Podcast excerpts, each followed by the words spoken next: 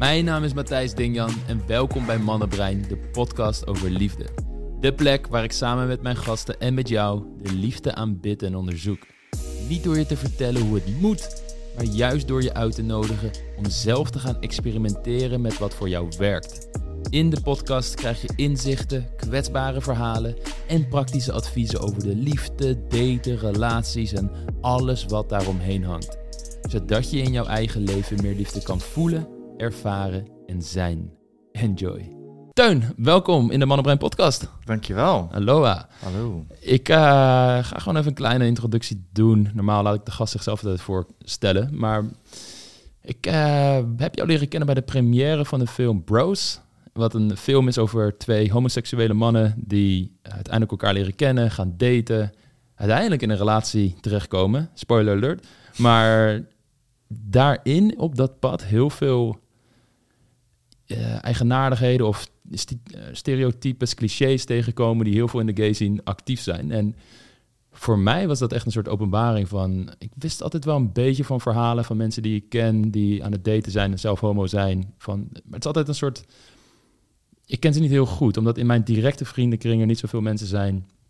Uh, die, die gay zijn, waardoor het voor mij die hele film een soort openbaring was van... oh, ik krijg echt een soort sneak peek view in, in die wereld, als het ware. En uh, ik vond dat heel interessant, omdat ik erachter kwam van... oké, okay, ik weet hier zo weinig van af. Mm -hmm. Wij raakten daar toen aan de praten ook, via via, mensen die we allebei kennen. En ik vond je daar een hele mooie, pintere, uh, maar ook ja, kijk geven in die wereld. En je kan er heel goed over spreken. Dus ik dacht, oké, okay, weet je wat? Uh, ik nodig Teun hier uit als representatie gewoon van even de, van de hele hele, de hele homo zien alles erop en eraan. Dus hè, voel de druk maar op je schouders. Oké. Okay. Nee, uh, kijk, uh, wat je zelf zo mooi zei van ja, je bent ook maar gewoon teun en je, je leeft je leven als mens en toevallig val je op mannen en zit je, ja, val je dan in bepaalde categorieën, uh, zoals, zoals de buitenwereld daar al snel tegenaan kijkt. Ja. Maar dat is denk ik ook in essentie wat er altijd speelt, is dat er zoveel meer overeenkomsten zijn dan dat er eigenlijk verschillen zijn. Dat is wat mij ook heel erg toen ik die film Bros bekeek door het oog van datingcoach voor vrouwen dan vooral. En dan dat heel veel dingen, ook voor vrouwen eigenlijk, gewoon heel erg herkenbaar zijn in het contact met mannen. En uh, ja, vanuit daar dacht ik van oké, dat is gewoon iets waar ik te weinig van af weet nog. En vandaar dat we hier nu zitten. Ja. Hartstikke uh, welkom. Ja. Wat waren van die dingen in die film waar jij van zei van oké, okay, uh, dat, was wel, dat zijn wel typerende dingen of herkenbare dingen? Of... Nou ja, wat je heel erg merkte, vond ik in de zaal toen, uh, was dat eigenlijk de, de soort van inside jokes die je heel erg had in de film, mm -hmm. uh, waren heel duidelijk. Omdat je echt hoorde dat er een aantal mannen echt hardop gingen lachen, omdat ze het gewoon heel herkenbaar vonden. Mm -hmm. En ik denk dat dat hem vooral zat in bijvoorbeeld, er was, ja, Grindr kwam er natuurlijk heel erg in voor. En ik denk dat uh, het moment dat bijvoorbeeld er zo'n vent uh, op, op zijn chat zit te ja. kijken naar van nou, wat, wat is er in de buurt en zo, maar zonder, zonder hoofd erop. Dus je weet eigenlijk helemaal niet wie het is. Dus je hebt een lichaam en nou, die, daarmee ben je aan het chatten. Mm -hmm. En uh, het moment dat, er dan, dat je dan dus elkaar aan het ophitsen bent als het ware en bijna wil afspreken met elkaar, vraagt iemand nog eventjes ter, ter soort van check van uh, ik wil wel even zien hoe het er daar beneden uitziet. Mm -hmm. Waarin er een soort van in die film een soort paniek ontstaat. Waar iemand right. zich heel snel ja. eventjes aan het scheren is en alles helemaal chop om, om, om vervolgens foto's te maken. Nou, die vervolgens te delen in die chat. Mhm. Mm. Uh, maar uiteindelijk toch gecanceld te worden of uh, zeg maar geblokkeerd te worden of wat dan ook. Omdat diegene daardoor dus geen interesse meer heeft. Mm. Dat zijn denk ik dingen die echt super typerend zijn voor, voor de homo scene, denk ik. Of in ieder geval de, de dating. Nou, dan voor spe specifiek eigenlijk Grindr, denk ik. Ja, online dating scene. Ja, ja dat het, dus, het is natuurlijk heel erg gefocust op seks. Um, of natuurlijk zeg ik, maar dat is, dat is volgens mij best wel algemeen bekend. Het Ja. is een en al testosteron. maar vervolgens hoe dat... Daar zijn allerlei regels voor of zo. Een soort van ongeschreven regels, en Hmm. manieren van, van hoe, je, hoe je met elkaar omgaat daarin. Um, en dat, dat- is best wel fascinerend, vind, vond ik dat altijd al. Maar ik denk dat dat van die momenten zijn in de film die heel erg terugkomen. eh, die heel veel mensen herkennen en daardoor ook denk ik om moeten lachen. Omdat het Ja. eigenlijk zo karakteristiek er wordt neergezet. En zo met eh, ja, zeg maar, eh, humor eromheen. ja. Dat het een beetje, dat, dat het heel lachwekkend wordt eigenlijk. dat is ook wat ik vaak hoor. Dat het zo sterk gefocust is op het uiterlijk, op het lichaam ook vooral. En dat is iets wat ik interessant genoeg, zou ik zeggen, nog vaker hoor van homo's. Dat ze zeggen van ja, je wordt daar zo erg beoordeeld op je lichaam dan dat ik het van vrouwen bijna hoor, Hm. die bij mij komen voor coaching. Eh, Ja. Dat is iets wat mij daar eh, heel erg in, in opviel. Maar wat je zegt, dat er gewoon golven van herkenning en lachen door de zaal heen ging bij allerlei van dat soort punten. Dat was wel, eh, ja, het zegt wel heel veel hoe dat dat voor iedereen zo herkenbaar is inderdaad. Hmm. Maar het was voor jou bijvoorbeeld waarschijnlijk dat soort momenten waren dan niet herkenbaar. Maar wat ik wel mooi vond aan de film, ik was met een vriendin samen en die zei, ehm, zelfs ik herkende me in een van de twee personages. Hmm. Dus ik vond het wel interessant te zien dat zij dus volgens mij ook aan het begin van de film, omdat het ook over een filmschrijver gaat of in elk geval een soort van director of zo, Ja, dat hij dan de opdracht krijgt van de studio van maak een film die herkenbaar is voor iedereen, dus commercieel genoeg is Ja. dat iedereen er naartoe wil, maar wel specifiek over een homorelatie. Ja. Dat het een soort van meteen een gekke vraag was, want een homorelatie dat is toch heel verschillend, of een, of een homo zoekt toch naar liefde, dat zou toch heel verschillend moeten zijn. Hmm. Maar uiteindelijk zie je toch dat er best wel veel raakvlakken ook weer heel erg zijn, denk ik. ja. Ik weet niet hoe jij dat hebt ervaren. Ja, hetzelfde wel. Ook de klassieke dynamiek die je terugziet, dat de ene man eigenlijk wel gewoon een relatie met die ander wil, maar er bijna al niet meer in gelooft dat dat nog- lukt. En dat die andere man, de meer de, de party guy als het ware, ook zoiets heeft van, ja, relaties en zo. Nee, sorry man, dat doe ik niet aan. Het gaat alleen maar om seks en Ja. het heel oppervlakkig wil houden. Mhm. Wat ook weer voorkomt vaak, waarschijnlijk uit onzekerheden en angsten, wat uiteindelijk ook te zien is. En dat ze uiteindelijk toch bij elkaar terechtkomen en als het ware met die patronen aan de slag gaan. En daardoor eh, bij elkaar komen, liefde ervaren en ook gewoon samen verder groeien als het ware in hun hele reis als persoon. Los van dat ze, dat ze gay zijn of wat dan ook. En dat stukje is denk ik voor heel veel vrouwen ook herkenbaar. En voor mannen ook, als in...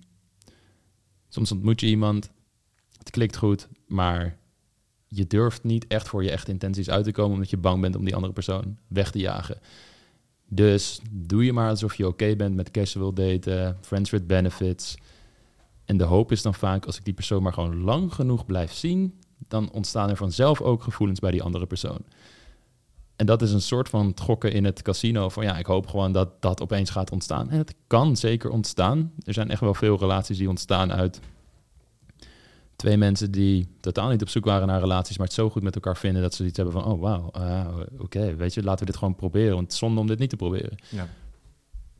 Maar dan moet die persoon op een gegeven moment wel signalen gaan afgeven dat dat kan en dat dat mogelijk is en dat ze er enigszins voor openstaan. Maar als ze vanaf het begin af aan al heel sterk zeggen, nee, dat wil ik echt absoluut niet, absoluut niet, is het wel een gevaarlijk paard om op te wedden dat dat toch nog gaat komen. En dat is wel iets wat ik voor mij weer heel erg herkenbaar was, dat ik dacht, oh ja, dit soort dynamieken zie je eigenlijk altijd wel. En waar mensen ook met elkaar gaan daten. eh. dus ja, dat was een stuk waar ik dacht, oh ja, dit is inderdaad ook wel, wel heel erg herkenbaar. Maar wat het mij ook deed realiseren, en wat jij ook zei, was... het is ook gewoon heel anders als je een veel kleinere pool hebt waar je uit kunt vissen. Ja. Als jij uitgaat naar een club en ja, je weet ook niet echt wie ook homo is. Dus als je een aantrekkelijke man ziet, dan is het ook nog maar eens de vraag van... ja, oké, eh, hoe, hoe zit dat? En ik, ik, en ik kreeg... Dat, ik ging er echt een soort van mee indenken hoe ik dan uit zou gaan... en hoe dat er dan uit zou zien... en hoe ik dan op de feestjes zou zijn waar ik altijd naartoe ga. en Zo. En van, oh, dat is een hele, heel andere, echt een paradigma shift van hoe je de wereld bekijkt als het ware. En ja, hoe, ervaar jij dat? Ja, ik vind, dat, ik vind dat soms wel misschien het moeilijkste aan eh, eh, homo zijn, zeg maar. Mhm. Ehm, en dat, dat zit er maar meer in dat aan de ene kant wil je gewoon iemand tegen het lijf aanlopen, Ja. net zoals iedereen dat wil. Ehm, het prins op het witte paard wat binnenkomt lopen, misschien wel op je werk, misschien wel eh, in de kroeg gewoon. Zeg maar dat, dat sparkle momentje, zeg maar. Mhm. Dat, dat zou je in principe overal willen. Ik heb ook nog wel is eh, eh, dat ik dat ik fantaseer dat ik iemand in, in de supermarkt eh, leer kennen. Ik denk dat iedereen die wel heeft en dat Mhm. het uiteindelijk niemand lukt. Maar Volg onze training. het is dan wel... ja, oké. Ehm, dan weet ik wel welke afdeling het moet zijn in de Ja. supermarkten. Nee, maar ehm, dat is wel... Kijk, als ik van, van mijn hetero vrienden om me heen hoor... de verhalen hoe, hoe mensen elkaar soms leren kennen... of hoe ze überhaupt mensen leren kennen die ze vervolgens daten... dat is vaak nog steeds wel... eh, ehm, niet alleen op apps, hè? niet alleen op dating apps. Dat is ook wel vaak in het echt. Ja. En ik merk gewoon dat dat in de praktijk voor, voor mij eh, moet ik dat echt opzoeken. Dus, Hmm. dus het is voor mij wel, omdat inderdaad, het eerst, de eerste vraag die ik me altijd moet afvragen is, eh, zou deze persoon ook op mannen vallen? Mhm. En ehm, daar daar moet je dus, dus het eerst, eerst een heel traject om daar überhaupt ach- dat af te tasten, zeg maar, voordat je überhaupt een move durft te maken. ja.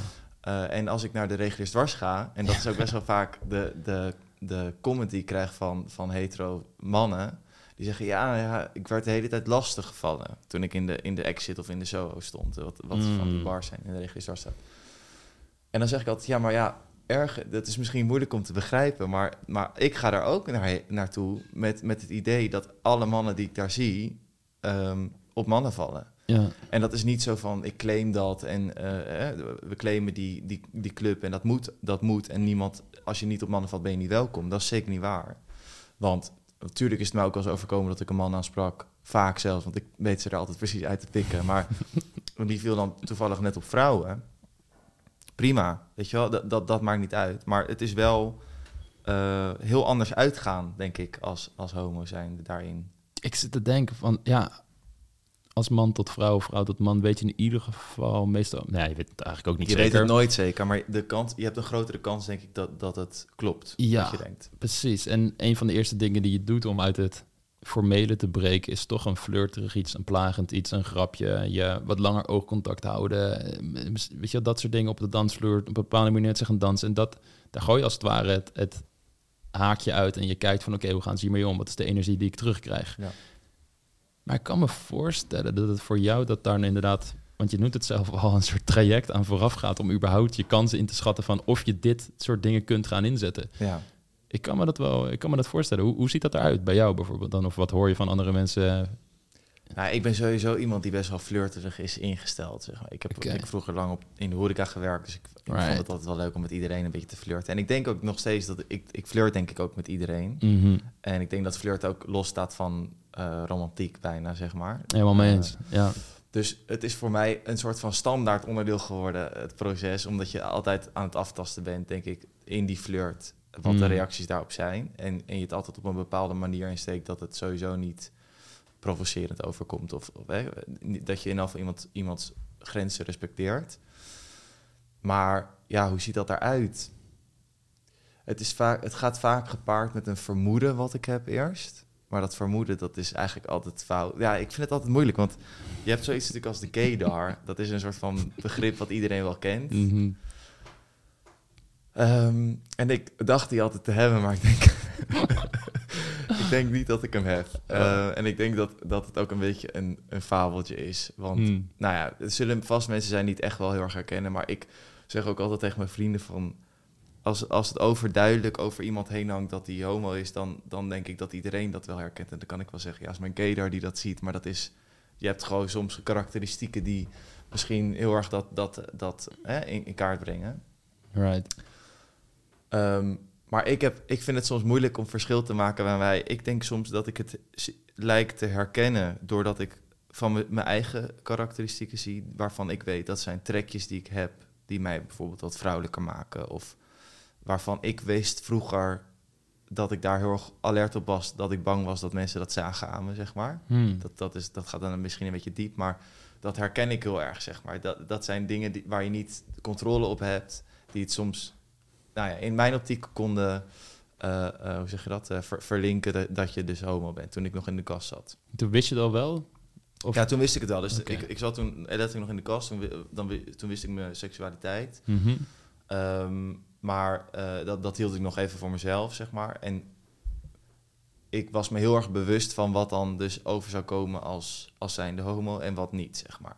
En ik denk dat mijn gaydar is een beetje gebaseerd op dat te herkennen bij mannen. Dat ik denk, oh ja, ik zie nu dat je dat eh, probeert te onderdrukken. Of niet te onderdrukken, maar een soort van dat, dat, dat zijn trekjes die ik herken van mezelf. Ah. Ehm, of ik heb een gaydar waarvan ik denk, daar, waarvan ik soms twijfel van, volgens mij wil ik gewoon dat je homo bent. Want ik heb gewoon een oogje op je. En dan vind ik het heel erg moeilijk. Stukje Om- projectie daar even. Ja. Dus dan vind ik het soms, dus ik vind eigenlijk ze nooit van elkaar te onderscheiden. Hmm. Dat is denk ik onderdeel van het voortraject. Om überhaupt te signaleren, kan ik een move maken, ja of nee? Hmm. Ja. Ja. En hoe is de...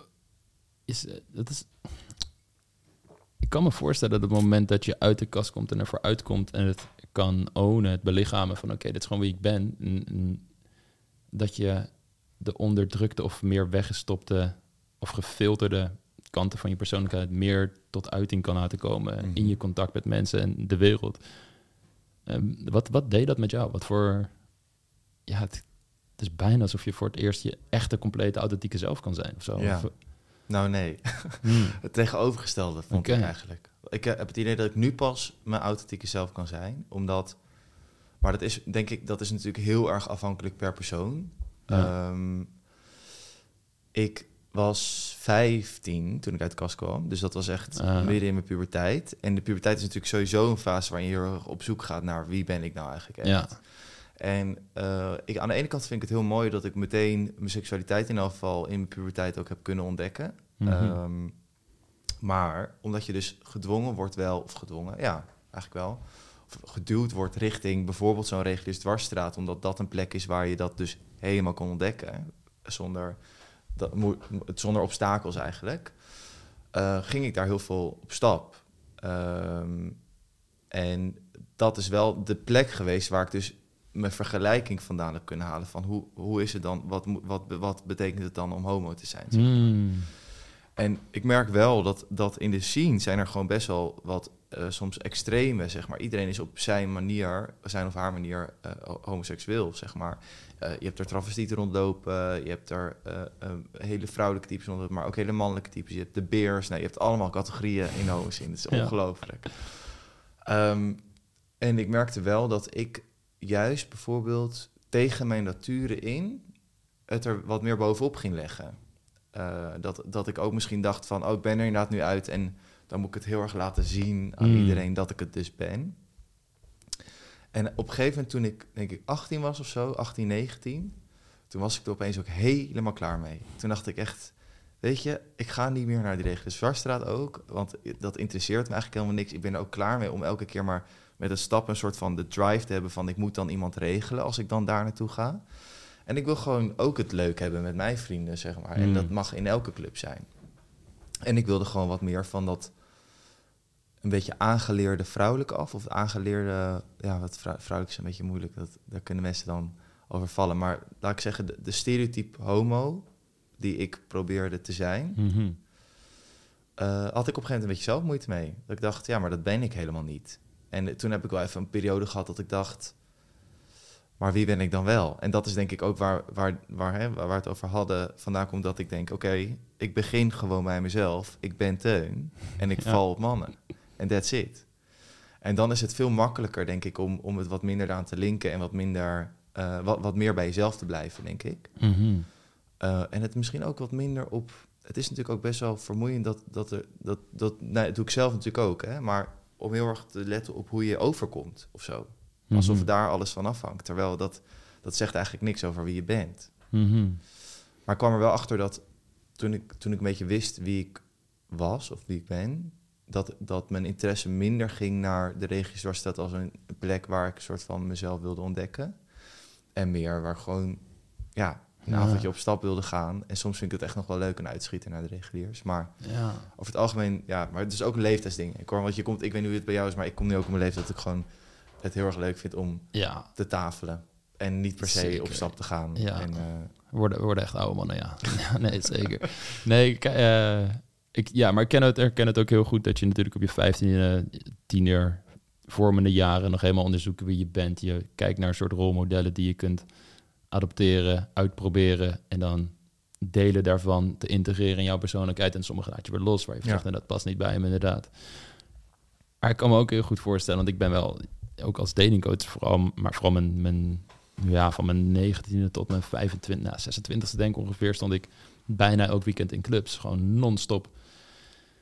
Met vooral mannen die heel slecht waren in het socializen of vrouwen aanspreken en dat wilden leren. Dus heel mijn leven draaide daar ook om. Maar als je maar één plek hebt waar je als het ware heen kan, waar je zeker van weet, oké, daar zijn andere mensen die, eh, met die je kan versieren, als het ware, waar ik in ieder geval de zekerheid heb dat dat daar, dat dat daar is. Het beperkt je inderdaad wel in gewoon hoe je je, je leven leidt. Ik snap, ik, ik die wel heel erg. Nou, Wat- het is ook wat ik op een gegeven moment ook had, en dat, dat heb ik nog steeds wel eens eigenlijk, en dat vind ik soms echt wel jammer. Maar het kan ook echt een beetje de mood van mijn avond beïnvloeden als het dan dus niet lukt om een, eh, een leuk iemand tegen te komen. Als je in de, in de reguliers reguliers bent? Ah, ja. oké. ja. Omdat dan een soort van zo erg het daarvan afhangt Right. of het een leuke avond is Nu moet het gebeuren. Ja, Ja. ah. ik ben er dan die ene keer weer. Dus dan, dan moet ik het ook meteen benutten. Ja, is- Terwijl ik zou eigenlijk, dus eigenlijk omgekeerd zou ik, waar ik in een normale stappen, even tussen aanhalingstekens, eh, het leuk lijkt om, om iemand gewoon tegen te komen, heb ik het ook andersom. Dat ik eigenlijk ook een keer gewoon leuk uit wil gaan in de reguliers zonder dat het zo erbovenop ligt. Dat is, ook, dat is wel herkenbaar, moet ik zeggen hoor. Want de meeste mannen gaan ook wel, eh, tenminste veel mannen gaan ook wel uit met het idee van oké, ik ga uit, zijn vrouwen, ik wil ze aanspreken. En dat het dan ook moet gebeuren. En ik denk op het moment dat je als het ware competentie ergens in ontwikkeld hebt, zelfvertrouwen in ontwikkeld hebt, de, dat je het ook weer meer los kan laten als het ware. Van oh ja, het is niet meer een pad dat ik moet bewandelen om iets te bewijzen aan mezelf. Ik kan hier nu gewoon vrij zelf zijn plezier hebben en dan zien we wat de nacht brengt. Dus het is heel, heel herkenbaar toen ik vroeger uitging. Vooral toen vrouwen aanspreken voor mij echt nog een ding was. Van, ik kon echt spanning hebben. Gewoon dat voordat ik uitging van, oh shit man, eh, gaat het gebeuren of zo. Weet je wel? Vooral omdat ik hiervan afwist van deze hele wereld van datingadvies voor mannen. En dan ga je bijna uit met een soort gevoel van moeten of zo. Alsof er, terwijl het een speeltuin van plezier hoort te zijn... waar je gewoon helemaal gek kan gaan... en lekker dansen op de muziek die je fijn vindt... en gewoon plezier kunt hebben met mensen. Ja. Maar ik herken heel erg een, dat als het ware gefixt was, dat uit de weg was van oké, ik weet dat ik die optie heb, nu kan ik dat helemaal loslaten. Dat het uitgaan ook heel erg veranderd is, gewoon qua gevoel dat ik erbij heb. En eigenlijk sinds jaren is het altijd gewoon altijd leuk. Ik weet precies hoe ik het naar mijn zin kan maken, juist ook omdat ik er zoveel was. En dat geeft heel veel rust. Heel veel van, ah ja, chill, ik hoef niet meer zoveel. Ik kan nu gewoon helemaal in flow staat komen, gewoon door te zijn, als Ja. het ware. Ik, ik herken die wel. Ik kan me daar wel een uh, vergelijkende zin zien, ja. Wa- Wat zijn nou dingen waar jij van zegt, oké, dat zijn echt hele duidelijke verschillen die ik zie, bijvoorbeeld bij hetero vrienden of vriendinnen, waar, waar ik van opgemerkt heb van, oh ja, dat zit wel echt anders of zo. Met Valt daten? Met daten, relaties. Mm. Mm, nou, daar moet, ja, moet ik eigenlijk even over nadenken. Want het is best wel, eigenlijk best wel hetzelfde vaak. Ja, Want je hebt het er best wel met elkaar over. Ik, heb, ik heb, kan me heel erg vaak herkennen in eh, de issues die zij ervaren met daten, bijvoorbeeld. Mhm. Dat ik denk, oh ja, weet je, dat, dat, dat heb ik ook wel eens meegemaakt. Of her- herkenning in, in hoe een ander zich gedraagt naar jou toe. Hè, Mhm. hard to get. Of eh, dat, dat soort termen. Of juist iemand die te graag wil. Of eh, dat, dat zijn allemaal ja, karakteristieken in dat daten wat, Ja. wat, wat niet verschilt. Ik denk dat het ook wel heel afhankelijk is van voor wat je je openstelt. Want ik, ja, maar dat is dus ook, ik heb daar wel eens over gehad ook. Aan de ene kant kan je zeggen, ja, de homoscene is veel meer op seks ingesteld. En we hebben natuurlijk wel een grinder.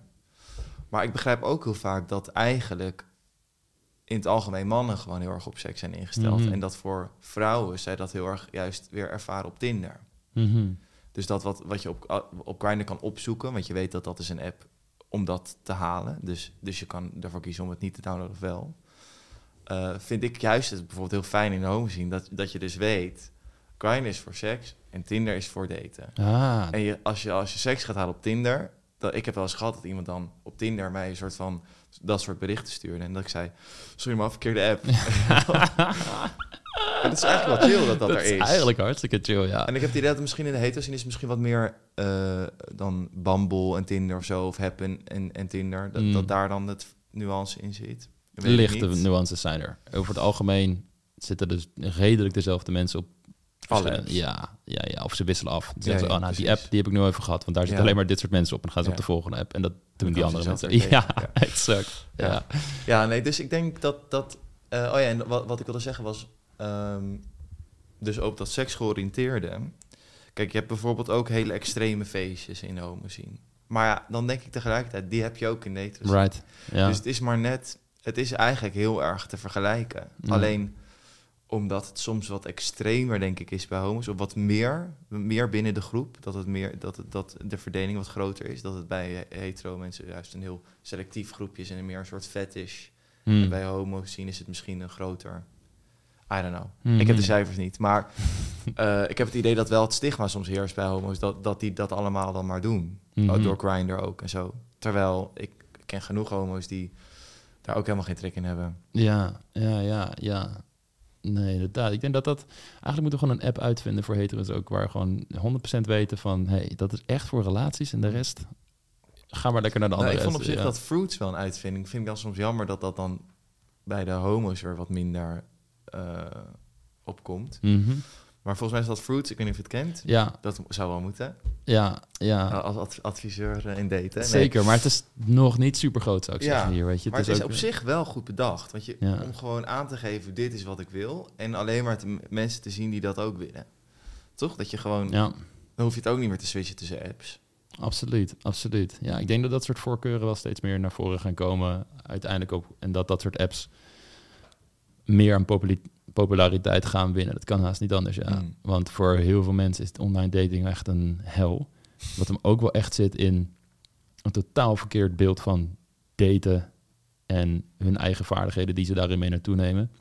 Als jij een goed profiel hebt, afgestemd op het soort mensen dat je wil aantrekken, en dat is helemaal niet zo, en je zal altijd heel veel andere soorten mensen aantrekken, maar dan is het een heel groot proces, is gewoon selectief zijn, filteren. Er gaan gewoon echt ontzettend veel mensen tussen zitten die niet bij jou passen.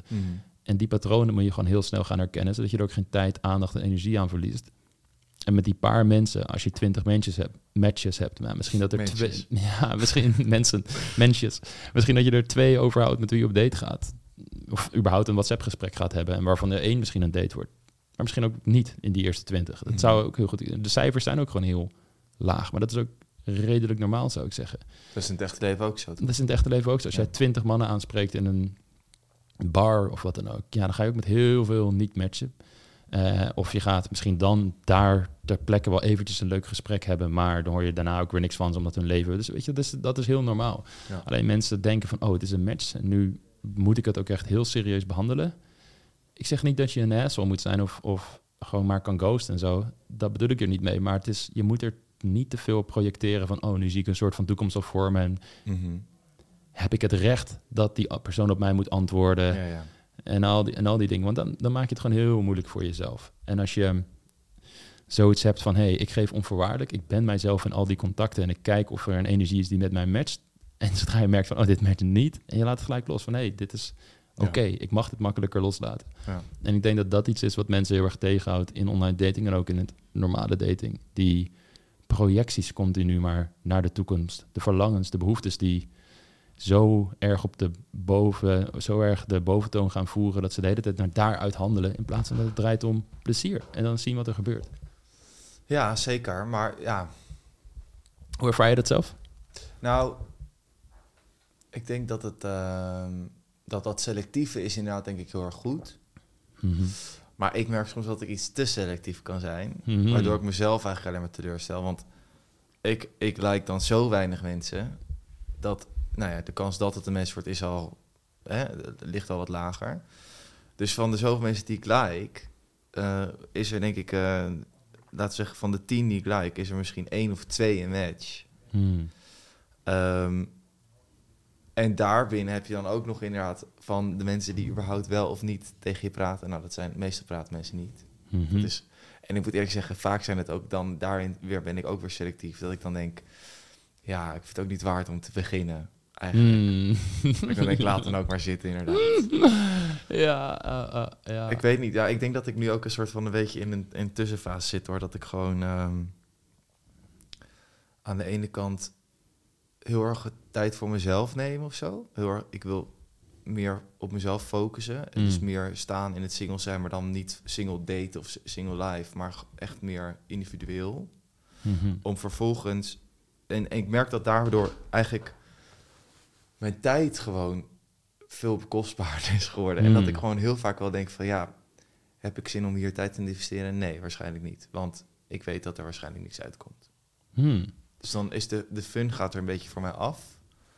Omdat ik dan denk, ja, let's get to the point. Right. Is Terwijl dat het tegenovergestelde is wat jij zegt eigenlijk. een soort uitkomstgerichtheid die je hebt ontwikkeld, omdat het daten zelf altijd ten doel moet staan van bijvoorbeeld heeft dit een potentiële relatiemogelijkheid. Wat ik ergens ook wel Ja. begrijp, want je wilt niet met Maar op zich, als het qua aantrekkingskracht, check. Chemie in de chat, check. Redelijk gewoon, hè, zijn ze consistent? Gaan ze niet twee dagen niet reageren? Zit er progressie in dat contact? Ja, check. Oké, laten we een drankje doen, zien hoe we het Mm. echt matchen. Oh, het was eigenlijk hartstikke leuk, geen gekke dingen. Dan is dat als het ware al ja, de vruchtbare grond waar een hele mooie relatie uit voort kan groeien. Maar dan is het, dat is meestal het moment dat de meeste mensen kunnen, als je daten van ontmoeting tot relatie als een soort loopplank ziet waar ze overheen moeten balanceren, dan Mhm. lukt de meeste mensen de eerste drie stappen wel.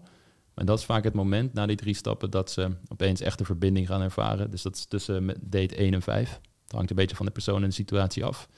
En dan denken ze opeens van, oh, maar dit zou echt wat kunnen worden. Dan gaat die fantasie op hol.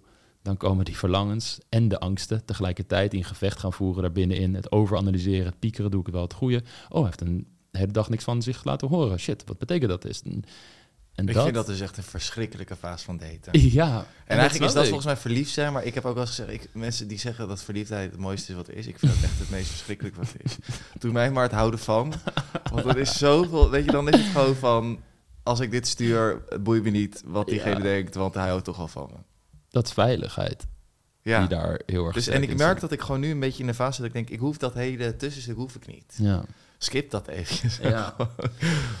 Nou, ik, ik herken dat heel erg goed, vooral van vroeger. Eh, ik had echt, nee, dus een reden dat ik datingcoach ben geworden. Dat komt meestal ook voort uit een pijn die je zelf ervaart. Eh, en ik had altijd wel gewoon vriendinnen, maar ik snapte er af en toe geen hol van, van waarom het dan wel lukt of niet lukte. En dan in relaties liep ik soms weer tegen dingen aan. Oké, maar hoezo waar is de informatie die ik gewoon tot me kan nemen en hierin kan groeien? En waar ik uiteindelijk, omdat daten echt een vaardigheid is, als je er beter in wordt, ontwikkel je competentie. Door competentie ga je meer zelfvertrouwen ervaren. Want zelfvertrouwen is niks anders dan... ik weet dat als ik gedraging A uitvoer, ik resultaat B krijg. Daar heb ik vertrouwen in. Ja. Vertrouwen in het zelf. En als je dat gaat ontwikkelen, dan ben je niet meer zo meer bezig met wat moet ik sturen of wat moet ik doen. Je kan veel meer je creativiteit erin kwijt. Het flirten, het, het met een grappig berichtje komen. eh, wat vroeger voor mij ook echt een hel was. Want ik denk van ja, hoe Een hele lijst erbij shit? pakken. Ja, maar de, de, Welke openingszin moet ik gebruiken? nou, uiteindelijk, als je gewoon de principes echt gaat begrijpen en je hebt de dynamiek vaak ervaren van hoe een leuk gesprek aanvoelt Mhm. en hoe dat in elkaar zit, en het is geen toeval meer, Ja. dan wordt het als een, hoe ik het me dan voorstel, want ik heb nog ja, amper geschilderd, maar dat het een soort voor een canvas staat en gewoon iets mag creëren. En je, het is echt een creatief proces waar je wat meer een, kunst is dan een, een wetenschap, zou ik zeggen. Eh, je laat er namelijk heel veel van je persoonlijkheid natuurlijk in doorvloeien. En als je dan met de juiste energie matcht, daar creëer je dingen vaak, grapjes, verhaaltjes die alleen voor jullie twee van doen zijn. En dat, Ja. daarvan kunnen genieten zonder dat je dat moet vasthouden. Mhm. Dat is denk ik heel mooi. Tenzij dit natuurlijk de rest van je leven alleen maar van dat soort kortstondige contact is en dat niet is wat je wil. ja. Maar dan heb je de vaardigheid nog niet ver genoeg ontwikkeld. Ja, maar ter- terwijl je dit zit te zeggen, denk ik wel... ehm, je moet daten wel leuk vinden. Mhm. En je moet het wel leuk vinden om, hè, om op zoek te gaan. Of om, nou niet eens op zoek te gaan, maar om mensen te leren kennen via een dating app. Dat is, dat is Mhm. natuurlijk het nieuwe daten. En terwijl je dat zegt, denk ik precies van... Ik denk dat daar misschien ook wel weer verschil in zit tussen homo en hetero. Of homo zijn en hetero zijn. Mhm. En dat is nog weer dat eh, je als hetero kan je in de kroeg iemand tegen het lijf aanlopen waar opeens die vonk is. Of kan je iemand in een nieuwe vriendengroep ontmoeten waar dat ontstaat natuurlijk. Ja. Dus je hoeft, je kan zeggen, ik hoef niet op dating apps, maar je kan wel iemand vinden tegelijkertijd. En ik heb toch het idee dat bij mij er altijd zoiets is dat ik denk, ja, ik heb nu geen zin om te daten, à la dating apps en zo. Ik heb wel zin om iemand tegen te komen en daar een drankje mee te doen en te kijken hoe dat loopt. Maar ik heb geen zin in dat hele, wat ik zeg, dat voortraject, matchen, ja of nee. Dus waar moet ik het dan zoeken? Of hè, waar, ik ga het niet, ik ga het waarschijnlijk in mijn dagelijks leven niet vinden. Dat, dat is denk ik een hele kleine kans. Hm. En da- daardoor merk ik wel dat ik een soort van me wel verplicht voel om op dat soort apps te zitten. Omdat als ik en niet naar de regio's dwarsa gaat, ga en niet op een Ja. app zit, dan gaat, ja, dan weet ik niet waar het vandaan, maar dan moet het op deze tafel zitten of zo. ja. Dat is niet uitgesloten. Ik heb het niet gecheckt, maar, ja, maar wie weet. Verrassingsvogel onder de tafel. Maar ik snap wel wat je bedoelt daar, ja. Omdat gewoon statistisch gezien de kans kleiner is. Maar then again, ja, je gaat je leven er niet door veranderen, want je blijft je openstellen. Je, hè, zoals je zelf zegt, flirten voor mij is meer dan alleen met een romantische uh, intenties. Het is Mhm. flirten met de wereld, met alle personen daaromheen. Je blijft naar evenementen, festivals, dingen toe gaan waar je mensen kunt ontmoeten. En ik denk, zolang je dat altijd blijft doen, Mm. waar je ook plezier uit haalt, Ja, dat de momenten dat je iemand tegenkomt met wie het leuk kan zijn, dat je de vaardigheid hebt geoefend en dat daar dan iets moois kan ontstaan. En Ja. dat is hoe ik altijd mensen aanraad om er naar te gaan kijken. Van ja, laat die uitkomst een keer los, focus op het proces. Want als je alleen maar op die uitkomst zit, zit, zit, wordt het krampachtig. ja dat En is dus- natuurlijk met alles in het leven. Exact. En dat is met daten niet anders. Ja. Ja, maar toch... Ja. Wat niet uitsluit dat het misschien goed is dat jij nu eerst op jezelf focust. En Maar is het, een, is het een illusie om te denken dat, dat, je, dat het op je pad komt? Zonder dat, je, je staat er wel voor open, maar je doet er niet actief, je handelt er niet actief naar. het hangt dan meer van geluk af. Ja. Maar hoe deden ze dat vroeger dan? Want toen kwamen ze ook gewoon iemand tegen, toch? Dus toen er geen apps Mm. waren en... Ligt er natuurlijk hoe ver vroeger je gaat. Eh, vrijwel de, redelijk de afgelopen 2000 jaar zijn natuurlijk families die dochters, persoons aan elkaar voorstelden, Mhm. uithuwelijken. In heel veel culturen ter wereld is dat nog steeds gebruikelijk en de Ja. norm. Eh, in Nederland denk ik dat als ik mijn opa's en oma's spreek, ik vraag het vaak aan ze, ook van andere mensen hoe ze elkaar ontmoet hebben, hoor ik daar ook wel vaak een stukje in. De katholieken gingen met de katholieken, de protestanten met de protestanten. Mhm. Je moest echt niet met, weet je, dus er was Ook alsnog. eigenlijk. Sorry, ook? Ook ziens. Ja, ja, absoluut. Totaal. En je moest echt niet met een protestant thuiskomen als je katholiek was, want ja, dat was not dan. Dus ook daar waren er heel veel beperkingen. Ehm, maar mensen kwamen elkaar volgens mij alsnog af en toe tegen. En daar ontstonden altijd relaties uit. En dat was, dat was heel goed mogelijk. Tegelijkertijd was er ook natuurlijk vaak, als je dan echt nog langer teruggaat, heb ik over 300, 400 jaar geleden ook heel veel economische huwelijken. Als in deze families komen bij elkaar zodat ze samen een goed stuk land hebben. Het is goed voor Mhm. de economische transacties die daar kunnen plaatsvinden, als het ware. Ehm, en wat in sommige boeken beschreven wordt, Ellen Beton heeft daar ook eh, hele mooie dingen over gezegd, maar dat ze daarnaast dan de affaires hadden en de passies, de liefdesrelaties als het Mhm. ware, in plaats van alleen maar de economische relaties die ze hadden. Ehm, maar laten we het een soort van hè, binnen onze generaties nog houden. Eh, ik denk Nou, dat bijvoorbeeld mijn ouders. Mijn Ja. ouders hadden geen, die, die hadden geen apps en zo, maar die, Ja. die werden ook niet uitgehuwelijkt en die hadden ook niet economisch belangen. Misschien samenwonen. Maar Ja. heb je het ze gevraagd? Weet je hoe ze elkaar hebben ontmoet? Ehm, ja, volgens mij was het via een vriend van mijn vader.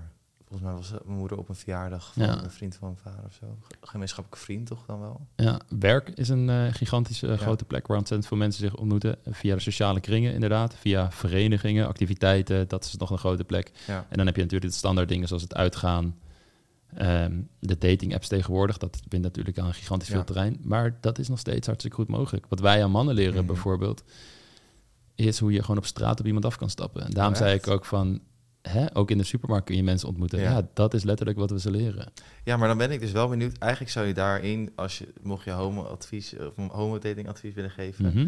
dan moet je eigenlijk dus een, een laag nog daarin bouwen. Want als ik, als ik op, ja, no offense, maar als ik met jou, met jou guide, als het ware, Ja. op een man, een random man in, in de supermarkt stap, dan is dat echt een hele grote gok die ik neem. En de grote kans dat ik gewoon met een hetero man aan het praten ben, dat het super ongemakkelijk is van, Ja. waarom praat je me, spreek je, spreek je me aan eigenlijk en ik, Ik ben denk niet dat- homo. veel hetero mannen daar ook niet goed weten mee om te gaan. Eh, omdat ze het er ook gewoon niet gewend zijn. Dus dat, dat stuk. Maar ik denk inderdaad ook dat het wat dat betreft 100% lastiger is. Maar daarom vind ik het ook zo interessant om het gesprek met jou te hebben. Omdat dat iets is wat ik me niet echt heb ingebeeld of eh, in dagelijks leven mee bezig ben. En ik zou zeggen, want ik heb het laatst voor het eerst ook ehm, trainingen gegeven dat we met vrouwen de straat op gingen Mhm. en mannen aanspreken. Nou, dat is ook iets wat heel gek zou klinken in iedereen's oren. Ja. Maar de meeste mensen, vroeger was het al gek van, oh, je gaat met mannen de straat op leren hoe ze vrouwen aanspreken. Mm. Maar daar merk ik tegenwoordig dat eigenlijk best wel veel mensen zoiets hebben van, oh ja, dat zou ik eigenlijk ook wel willen. Dus dat wordt al veel meer geaccepteerd, grappig Mm. genoeg. Maar nu is een volgende stap, wat je natuurlijk in het Westen heel erg ziet, is de emancipatie. Vrouwen die steeds meer initiatief nemen op alle velden van het leven. Maar er is één veld, in mijn opinie, dat heel erg achterblijft. En dat is initiatief nemen in de liefde. Waarbij veel vrouwen ook zoiets hebben van... ja, het feit dat een man als eerste op mij afstapt, zijn best doet... mij op date vraagt en dat over een langere tijd doet, geeft me in ieder geval ook een, de, iets meer bewijs dat zijn intentie niet alleen maar kortstondig mij in bed krijgen is, maar dat hij wellicht ook geïnteresseerd is in mij als persoon en, en iets opbouwen. Dus ik snap ook wel dat ze het initiatief liever meer bij een man laten, maar er zit ook gewoon heel veel nog old school rolverdeling. Man hoort op een vrouw af te stappen en, noem maar op. Spirituele kringen noemen ze het weer mannelijke en vrouwelijke energie. Mannelijke energie neemt en hebben het dus echt over de energie. Je hebt beide energie in je. Daar hebben ze het heel erg over. Oké, mannelijke energie is de energie van leiding nemen. Vrouwelijke energie is de energie van verleiden, van ontvangen, het creatieve. En ja, ik noem dit allemaal omdat ik denk dat heel veel mensen nog, zonder dat ze het weten, allerlei programmering als het ware in zich hebben over hoe liefde hoort te zijn. Ja. Maar als je dat over een hele lange periode gaat bekijken en ook antropologische onderzoeken erbij gaat pakken van hoe relaties er in sommige andere stammen uitzien, dan is er maar één gegeven. En dat is dat we gemaakt zijn om te hechten aan andere mensen. Maar hoe dat precies gebeurt, ja, het is dat instinctueel is eigenlijk. zo, ja, en het verschilt zo erg hoe Ja. relaties eruit zien. Ja. Dus dan terugkomend op jouw vraag van hoe zou ik dat voor me zien? Ik ben heel erg benieuwd hoe het de komende 100 jaar zich verder gaat ontwikkelen. En wellicht dat het normaler wordt.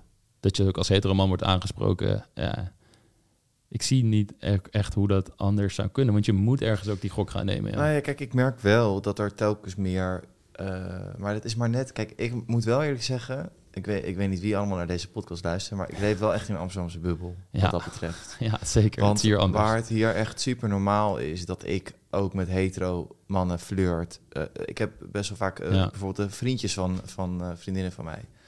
Daar heb ik echt een super... Ik vind dat altijd heel fijn, omdat dat is echt altijd een...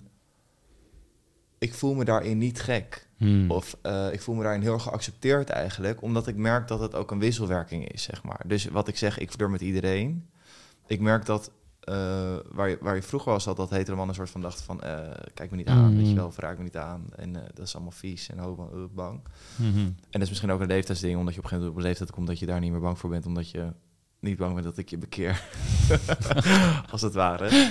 Maar ehm, eh, ik vind die wisselwerking die ik heb met hetero mannen om me heen, vind ik ontzettend fijn. Ja. Want dat, dat, dat vind ik dat het het heel erg normaliseert. En ik denk ook echt dat dit de type mannen zijn die inderdaad het niet gek vinden of daar heel erg leuk eigenlijk wel mee om weten te gaan als, als een man op hun afstap. Ik denk dat ze zich sterker nog heel erg gevleid voelen. Mm. Ik moet denken aan iets, ik weet niet of ik dit kan zeggen, maar ik moet denken, ik kan het denk ik niet zeggen. Nee, ik moet denken aan een vriendin van mij. Haar vriend, die vond het op een gegeven moment ehm, een, een groter compliment volgens mij als ik zei dat hij een goede Ah. kont had dan als een meisje dat zei. oh, grappig. Oh, dat is heel chill. Ja, maar daar heb je wel een goed punt. Want het grappige is toen jij zei van ik kon naar de reguliere dwarsstraat. Dus dat ik denk waar ik vandaan kom, Voorhout. Dorpje in de buurt van Leiden, in de Bollenstreek. En ik dacht, ja, waar de hel zou ik heen gaan als ik daar woonde? Ja, geen idee. Ja, waarschijnlijk naar Leiden is dan de dichtstbijzijnde stad. Maar dan heb je waarschijnlijk misschien één à twee cafés. En eigenlijk zou je dus naar, naar, naar een samenleving moeten gaan waarin, Mhm. waarin dat dus niet nodig is. Want ik moet Ja. wel eerlijk zeggen, ondanks dat het voor mij heel makkelijk is, is het natuurlijk echt zonde eigenlijk dat je een, Ja. een straat nodig hebt om überhaupt... Je zou in een situatie Absoluut. moeten komen waarin ik inderdaad iedereen kan aanspreken en ook niet meer hoef af te tasten of het zo is of niet. Want dan kan het gewoon altijd shooting my shot, Mhm. zeg maar. En dan zie je wel.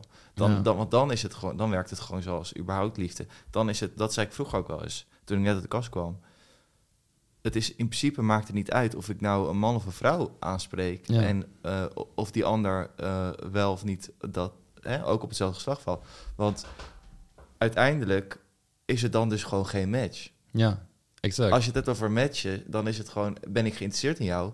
En als dat op basis van seksualiteit al geen match is, dan is dat het gewoon. Maar dan is het niet, dan, dan kan je dus iedereen aanspreken, maar dat is gewoon nog niet geaccepteerd. En dat is een van de grote dingen die we aan mannen die dan op vrouwen afstappen leren, is van je gaat erin met een gevende houding. Je komt niks nemen. Eh, Worst case loopt zij weg met het gevoel van hij heeft me een mooi compliment gegeven en mijn dag is iets beter, ondanks dat ik geen interesse had. Mm. Daar hoop je voor. Tuurlijk, je, soms komt het ook uit onhandigheid, gewoon net creepy over of zo. Ja, dat is altijd fucked. En dat proberen we. Ja, dat. ja. Ja, ja, ja. De hele catcalling stuff. eh, ik snap nog nooit dat mensen daar denken dat het werkt. Maar anyways. we leren man hoe je dat op een respectvolle, mooie manier kunt doen. Maar ik zie niet in. Ik denk alleen gewoon dat. En dat klinkt een soort van pretentieus, maar de samenleving er wellicht in vooral andere steden dan, of andere omgevingen dan Amsterdamse bubbel er nog niet helemaal klaar voor zijn dat dit gebeurt. Maar dat is misschien ook wel gewoon een, een vooringenomenheid van mij. Want ik denk dat je als op sommige van mijn vrienden uit mijn oude dorp af zou stappen, dat je gewoon hele mooie conversaties zou hebben. Gewoon Hmm. hartstikke leuk. En ik anderen daar meer moeite mee zou hebben. Maar dat is allemaal onzekerheid bij jezelf. Van, oh, misschien wat gaat anderen hiervan vinden. Of Nou ja, en laten we eerlijk zijn, zoals Amsterdam is er nog niet klaar voor, hè, om het op deze manier Ja, Ik bedoel, het is wel een- inderdaad een bubbel waar ik in leef, inderdaad met Amsterdamse mensen of mensen die in Amsterdam wonen, die inderdaad naar de stad zijn gegaan omdat ze juist Ja. misschien wat ruimdenkerder zijn.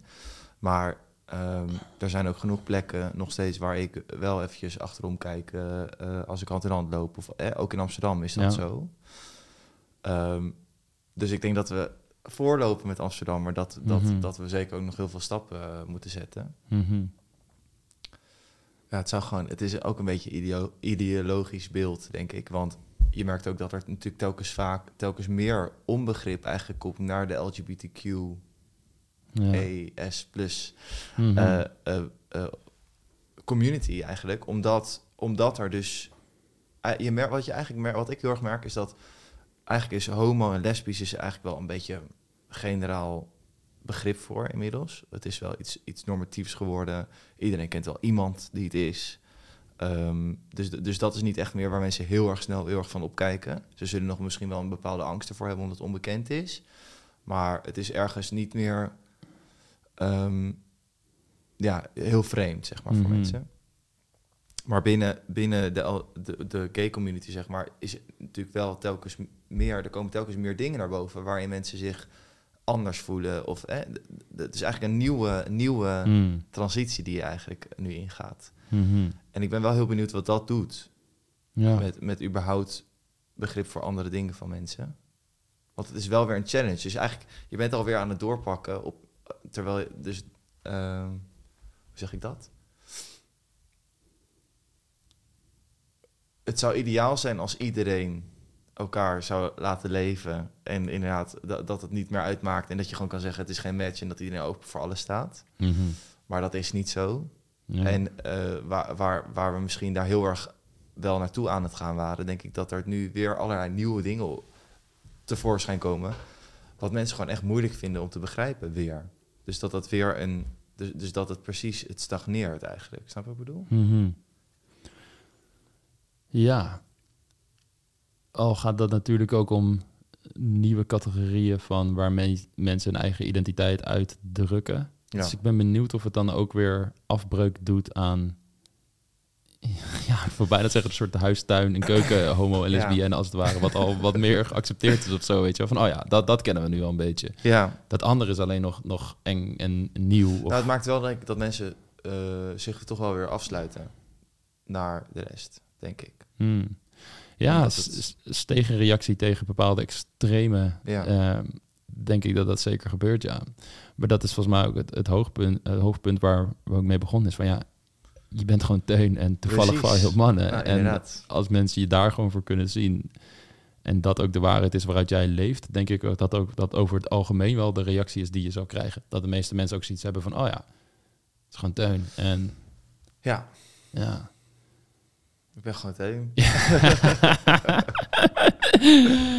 ja, man. Ja, dat is, dat is, dat is een, ik hoop wel dat het daarheen gaat en dat, het, dat dit soort dingen ook meer genormaliseerd worden. En dan bedoel ik met dit soort dingen ook het afstappen op mensen, het uitkomen voor wie je bent. En dat dat oké is. Dat, want stel je zou iedereen dit leren en iedereen zou dit oké vinden, dan is het niet alsof iedereen alsnog de hele tijd maar op iedereen afrent, omdat ze dan Nee. het oké is dat je mensen af kunt stappen. Want dan heb je geen leven meer, dan ben je alleen maar mensen aan het afstappen. Dus Precies. Ja, en dat- ik heb gewoon ook het idee dat het eigenlijk veel makkelijker wordt als we allemaal daarvoor Hmm. Want dan, dan valt een soort van, de hele barrière valt weg, ja, eigenlijk. Ja, ja. Is, hoe is dat voor jou, voor jou geweest toen je, dat je zei, oké, toen ik nog in de kast zat, hield ik het een poosje voor me. Op mijn vijftiende ben ik eruit gekomen. Mm. Toen was natuurlijk de hele identiteit zoeken van, oké, wat wil ik hier precies mee? Of hoe past dit bij mijn authentieke kern? En hoe, is, hoe is dat voor jou geweest toen je hier een beetje achter kwam, als het ware, van, oh, volgens mij ben ik homo. Volgens Mm. mij eh, is dit wat anders misschien dan mijn vriendje eh, Karel, die, eh, die het over meisjes heeft of zo? Op wat voor leeftijd kwam jij daar een beetje achter? Nou, dat was eigenlijk best wel kort voordat ik eigenlijk uit de kast kwam. Want ik, had, Hmm. ik, ben, ik heb daar niet heel lang mee rondgelopen. Ehm, omdat ik gewoon... Ja, ik heb het denk ik een jaartje... Zo, zo zag ik dat een beetje een jaartje aangekeken voor mezelf... of het niet een fase was, zeg maar. Want dat is natuurlijk eerst wat je denkt. Toen ben ik op mijn vijfde, vijftiende uit de kast gekomen als biseksueel. Omdat ik dacht, dat is nog een beetje zo van veilig. Ja. Want dan ehm, ben ik richting, dan kunnen mensen hebben begrip voor me normaal en dan denk ik zo, ze, hij heeft, hij heeft nog iets, iets erbij wat even anders is, maar prima. ja. Ehm, maar ja, toen, en toen ben ik volgens mij zelfs De extension eventjes, eh, pack of zo moet ik op aan een gegeven denken. moment, ehm, Uh-huh. ben ik zelfs weer heel eventjes weer hetero geweest. Mm. Eh, omdat ik ook zei tegen iedereen om me heen van... ehm, ja, het is gewoon makkelijker, weet je wel. Want meisjes zijn toch een beetje terughoudend... als ze ook horen dat ik op mannen val op die leeftijd. Dus eh, ja, ik zeg maar gewoon dat ik Ah. hetero ben. Want dan, eh, dan doe ik nog goed bij de meisjes. Terwijl eigenlijk... Ik natuurlijk helemaal niet bij de... Maar dat was gewoon een soort van... Het was niet een beetje terugkrabbelen. Ik weet niet wat het was. Het was een soort van... Hele, dat was eigenlijk eerder een fase. Juist. Maar ehm, eh, ja, dus toen ik er net voor mezelf achter kwam, wanneer ik echt merkte dat, oh, dat is, dat is anders. Dat was, ehm, ik luisterde stiekem eh, One Direction op een gegeven moment. One Direction was toen net, net echt net zo X-Factor gewonnen en zo. en ik zat gewoon op Spotify en ik kwam dat tegen en ik dacht, hé, hey, dat is eigenlijk best wel leuke muziek. Maar ergens had ik wel het idee van, oké, boyband, hmm, is niet heel stoer. Mm. Dus ik zat dat een beetje stiekem te luisteren. Nou, dan weet je al dat er iets natuurlijk niet Mm. klopt. Of tenminste, dan, dan weet je al dat je, dat je ergens idee hebt dat dat dus... Dat, dan is het ergens anders aan gelinkt. Want als ik gewoon hetero was geweest en ik had One Direction super tof muziek gevonden... had ik dat gewoon durven zeggen tegen mijn ouders, zeg maar. Dat, dat, dat had ik niet Mhm. geheim gehouden dan. En toen, eh, nou, die jongens, weet je, en ik eerst een beetje zo, een beetje zo juist, een beetje recalcitrant, zo van, ah nee, nee, nee, weet je al, stom, stomme, stomme boyband en eh, wat dom. En vervolgens ontwikkelde dat zich toch in een soort bepaalde fascinatie, waarin ik gewoon eigenlijk uiteindelijk echt een directioner werd, een, eh, een fan van One Direction. Heet dat Directioners? Dat Nice. heette die heette Directioners. ja. Uh, En toen, en toen op een gegeven moment ging ik dromen over Harry Styles. En maar echt liefdesdromen, zeg maar. En dat Hmm. ik dacht, hé, maar hier klopt echt even iets niet. Dit is, dit is wel echt anders dan jongens van mijn leeftijd. mhm. En toen op een gegeven moment werd ik echt een soort van verliefd op hem. Ik was echt een, ja, het was echt mijn idool. Nee, niet eens idool. Ik, nou, ik beelde me echt in de fantasieën eh, met, dat ik met hem date of dat ik met hem een relatie had. En ik was natuurlijk 14 of 15 of zo. Dus ik denk dat iedereen dat wel heeft bij... bij ik had dat namelijk daarvoor bij Taylor Swift. Maar dat zegt achteraf ook wel weer genoeg. Maar ehm, zo, heb ik, zo ben ik er eigenlijk een beetje achter gekomen. En toen ehm, heb ik dat gewoon eventjes gelaten. En ik had ook eventjes een moment dat, dat het wel heel erg moeilijk was voor mezelf. Omdat ik echt wel alle toekomstplaatjes die ik in mijn hoofd had... die vielen natuurlijk allemaal helemaal weg. Toen ik dat een beetje begon te accepteren dat het gewoon een gegeven was. Wat voor? Nou, ik had wel bijvoorbeeld Duitse Cruise was, wa- was ik ook verliefd op. En ik had wel altijd het idee dat ik zou eindigen met een Duitse Cruise... en daar gewoon een huisje boven beestje mee zou hebben. Ik denk Ja. dat het een toekomstplaatje is wat voor veel mensen is weggevallen. Nou, precies. dat Ja. is waar. Nee, maar, maar dus zeg maar met een vrouw à la Right. Duitse Cruise, dat, dat werd het nooit meer. Mhm. En dat vond ik ook confronterend, want ehm, we spreken nu over tien jaar terug. Dus dat is sowieso in tien jaar tijd is natuurlijk ook alweer heel veel veranderd. Mhm. Eh, maar ja, dan, als je zo jong bent, ben je echt niet bezig met... oh, maar hoe ga ik dan kinderen krijgen? En wat voor traject is dat dan? Dat zijn allemaal dingen waar ik nu mee te maken krijg van... oké, Hmm. stel ik, wil kind, ik heb een kinderwens, hoe, hoe wil ik dat? Want er zijn heel veel opties. Wat is de beste optie? Ehm, moet je überhaupt wel kinderen nemen? Hoe, nou, er zijn allemaal opties. Maar wat ik wel wist, was gewoon... dat huisje, boompje, beestje, dat die situatie hoe ik dit voor me zie... dat, dat wordt het niet. En dan Ja. moet je helemaal eigenlijk opnieuw gaan bedenken hoe, hoe ziet dat er dan uit? Nou, en dat was natuurlijk wel, je, je hebt dan wel veel minder, ehm, hoe noem je dat? Ehm, waar, je, waar je tegenop kijkt. Rolmodellen? Rolmodellen, ja. Er zijn wel minder rolmodellen. Want als je kijkt naar homo's, ja, ze zijn hartstikke grappig. Maar je had alleen Geer en Goor toen op tv. Eh, en je, ja, en, eh, ja, Ja. gewoon de tv-homo's waren allemaal best wel stereotyp eigenlijk. Ja. Eh, je had niet echt homo-koppels heel erg. Of, of Dus, dus het was best wel moeilijk om daar dan een nieuw beeld op... eh, Dus ik, ja, wat ik natuurlijk gewoon had gedaan was... Oké, Duitse Cruise gaat aan de kant en dan komt Harry Styles Mm. te staan. En dan, dan ben je er eigenlijk al wel. Maar het is wel altijd natuurlijk ge- ge- gegrond op, op dat hetero-beeld. En dan gewoon een man in de, in de plek zetten. Ja. Ja. Wauw. Dat lijkt me zo apart dat je iets van jezelf echt als waarheid aanneemt. En überhaupt eigenlijk nou niet eens dat je het bewust aanneemt, maar gewoon nooit aan twijfel hebt getrokken van ja, ik ben gewoon hetero, waarschijnlijk hetzelfde als de rest. Dat dat bewust een gedachte is. Ja. Maar dat is een soort eh, onuitgesproken eh, of ja, onbewuste aanname die je gewoon hebt over je eigen persoon. En dan Mhm. opeens wordt dat inderdaad in twijfel getrokken bij jezelf. Ja. Nou, het Ah. gekke is zelfs dat ik zelfs echt met terugwerkende kracht op een gegeven moment wel herinneringen nog heb van de basisschool. Dat ik denk, ah, dus, dus daar kwam dat vandaan. Terwijl ik op dat moment was ik me van geen kwaad, of geen kwaad bewust, was ik me niet bewust dat dat met een seksuele geaardheid te maken had. Maar bijvoorbeeld, ik was volgens mij verliefd op de gymleraar. Dat, dat, dat gevoel had ik. Maar dat heb ik nooit, dat, heb, dat geef je op die leeftijd, geef je daar nog geen label aan. Ja. En met terugwerkende kracht kan ik wel nu beter begrijpen dat ik dat zo voelde toen. Ik, mo- ik moet heel hard lachen, omdat ik echt zit te denken aan de crushes die ik heb gehad op mijn leraressen Ja, altijd. ja, precies. dat, dat heb je natuurlijk als je heel jong bent, heb je dat altijd wel. En ik had dat Ja. ook, alleen dan, dan, dan ben je nog van geen kwaad bewust. Er zijn genoeg kinderen natuurlijk ook die tegen hun... Ik heb, ik heb vroeger ook gezegd eh, dat ik met mijn moeder wilde trouwen. Ja, Weet je, dat, daar ben je nog helemaal op die leeftijd niet mee bezig. Met of dat nou gek is of niet, of Mhm. waar dat mee te maken heeft. Maar je voelt het wel allemaal. ja. Ja, ja, ik snap dat wel heel goed, ja. Ik moet opeens denken ook aan een... Ik weet nog dat ik verliefd was dus op een lerares en dat ik dacht, eh, weet je wat? Ik wil gewoon wat meer persoonlijke aandacht. En dat ik ook mijn sommen wat slechter ging maken.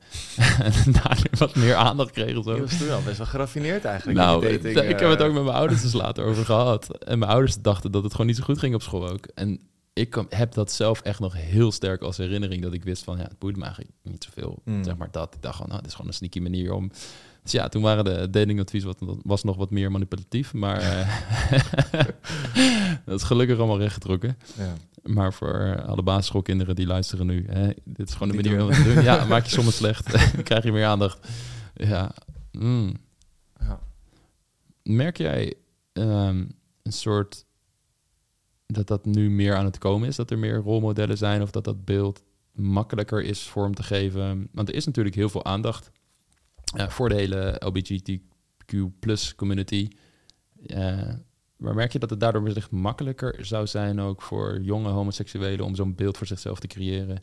Kijk, in essentie gaat het natuurlijk nog steeds gewoon om, ja, oké, je bent gewoon weer teun en je ontwikkelt jezelf als mens en je kijkt gewoon, je hoeft niet per se alleen bij homoseksuele Mhm. rolmodellen af te kijken. Alleen Ja. Voor dat stukje daten, liefde, relaties is, is daar wellicht, ja, dat je daar toch wel naar kijkt, dat kan ik me wel voorstellen. Ja. Nou ja, ik denk dat ik de vraag ook terug kan stellen, want, want jij weet ook wat er op tv rondloopt. Dus ik, Mhm. als ik dit zo zeg, ben ik eigenlijk ook wel benieuwd of jij überhaupt op eentje kan komen.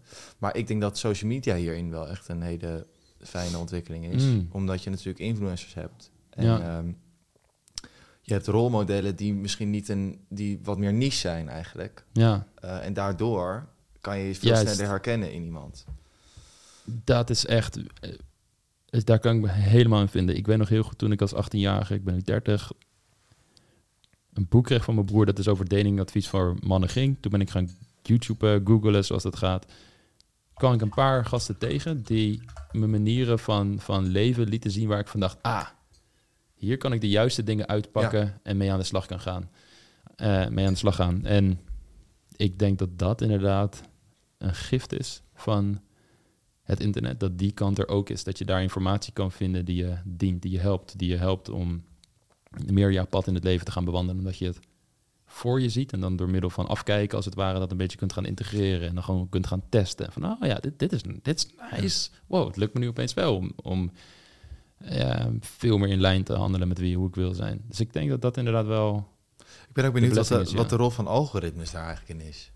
Want ergens Mhm. zou, misschien is het wel zo dat een algoritme nog eerder weet je seksuele voorkeur of je interesses hè, dan, Ja. dan jijzelf. Dat is best Statistisch gezien waarschijnlijk wel. Als je Ja. bepaalde dingen opzoekt. Of, zoals je zegt, gewoon...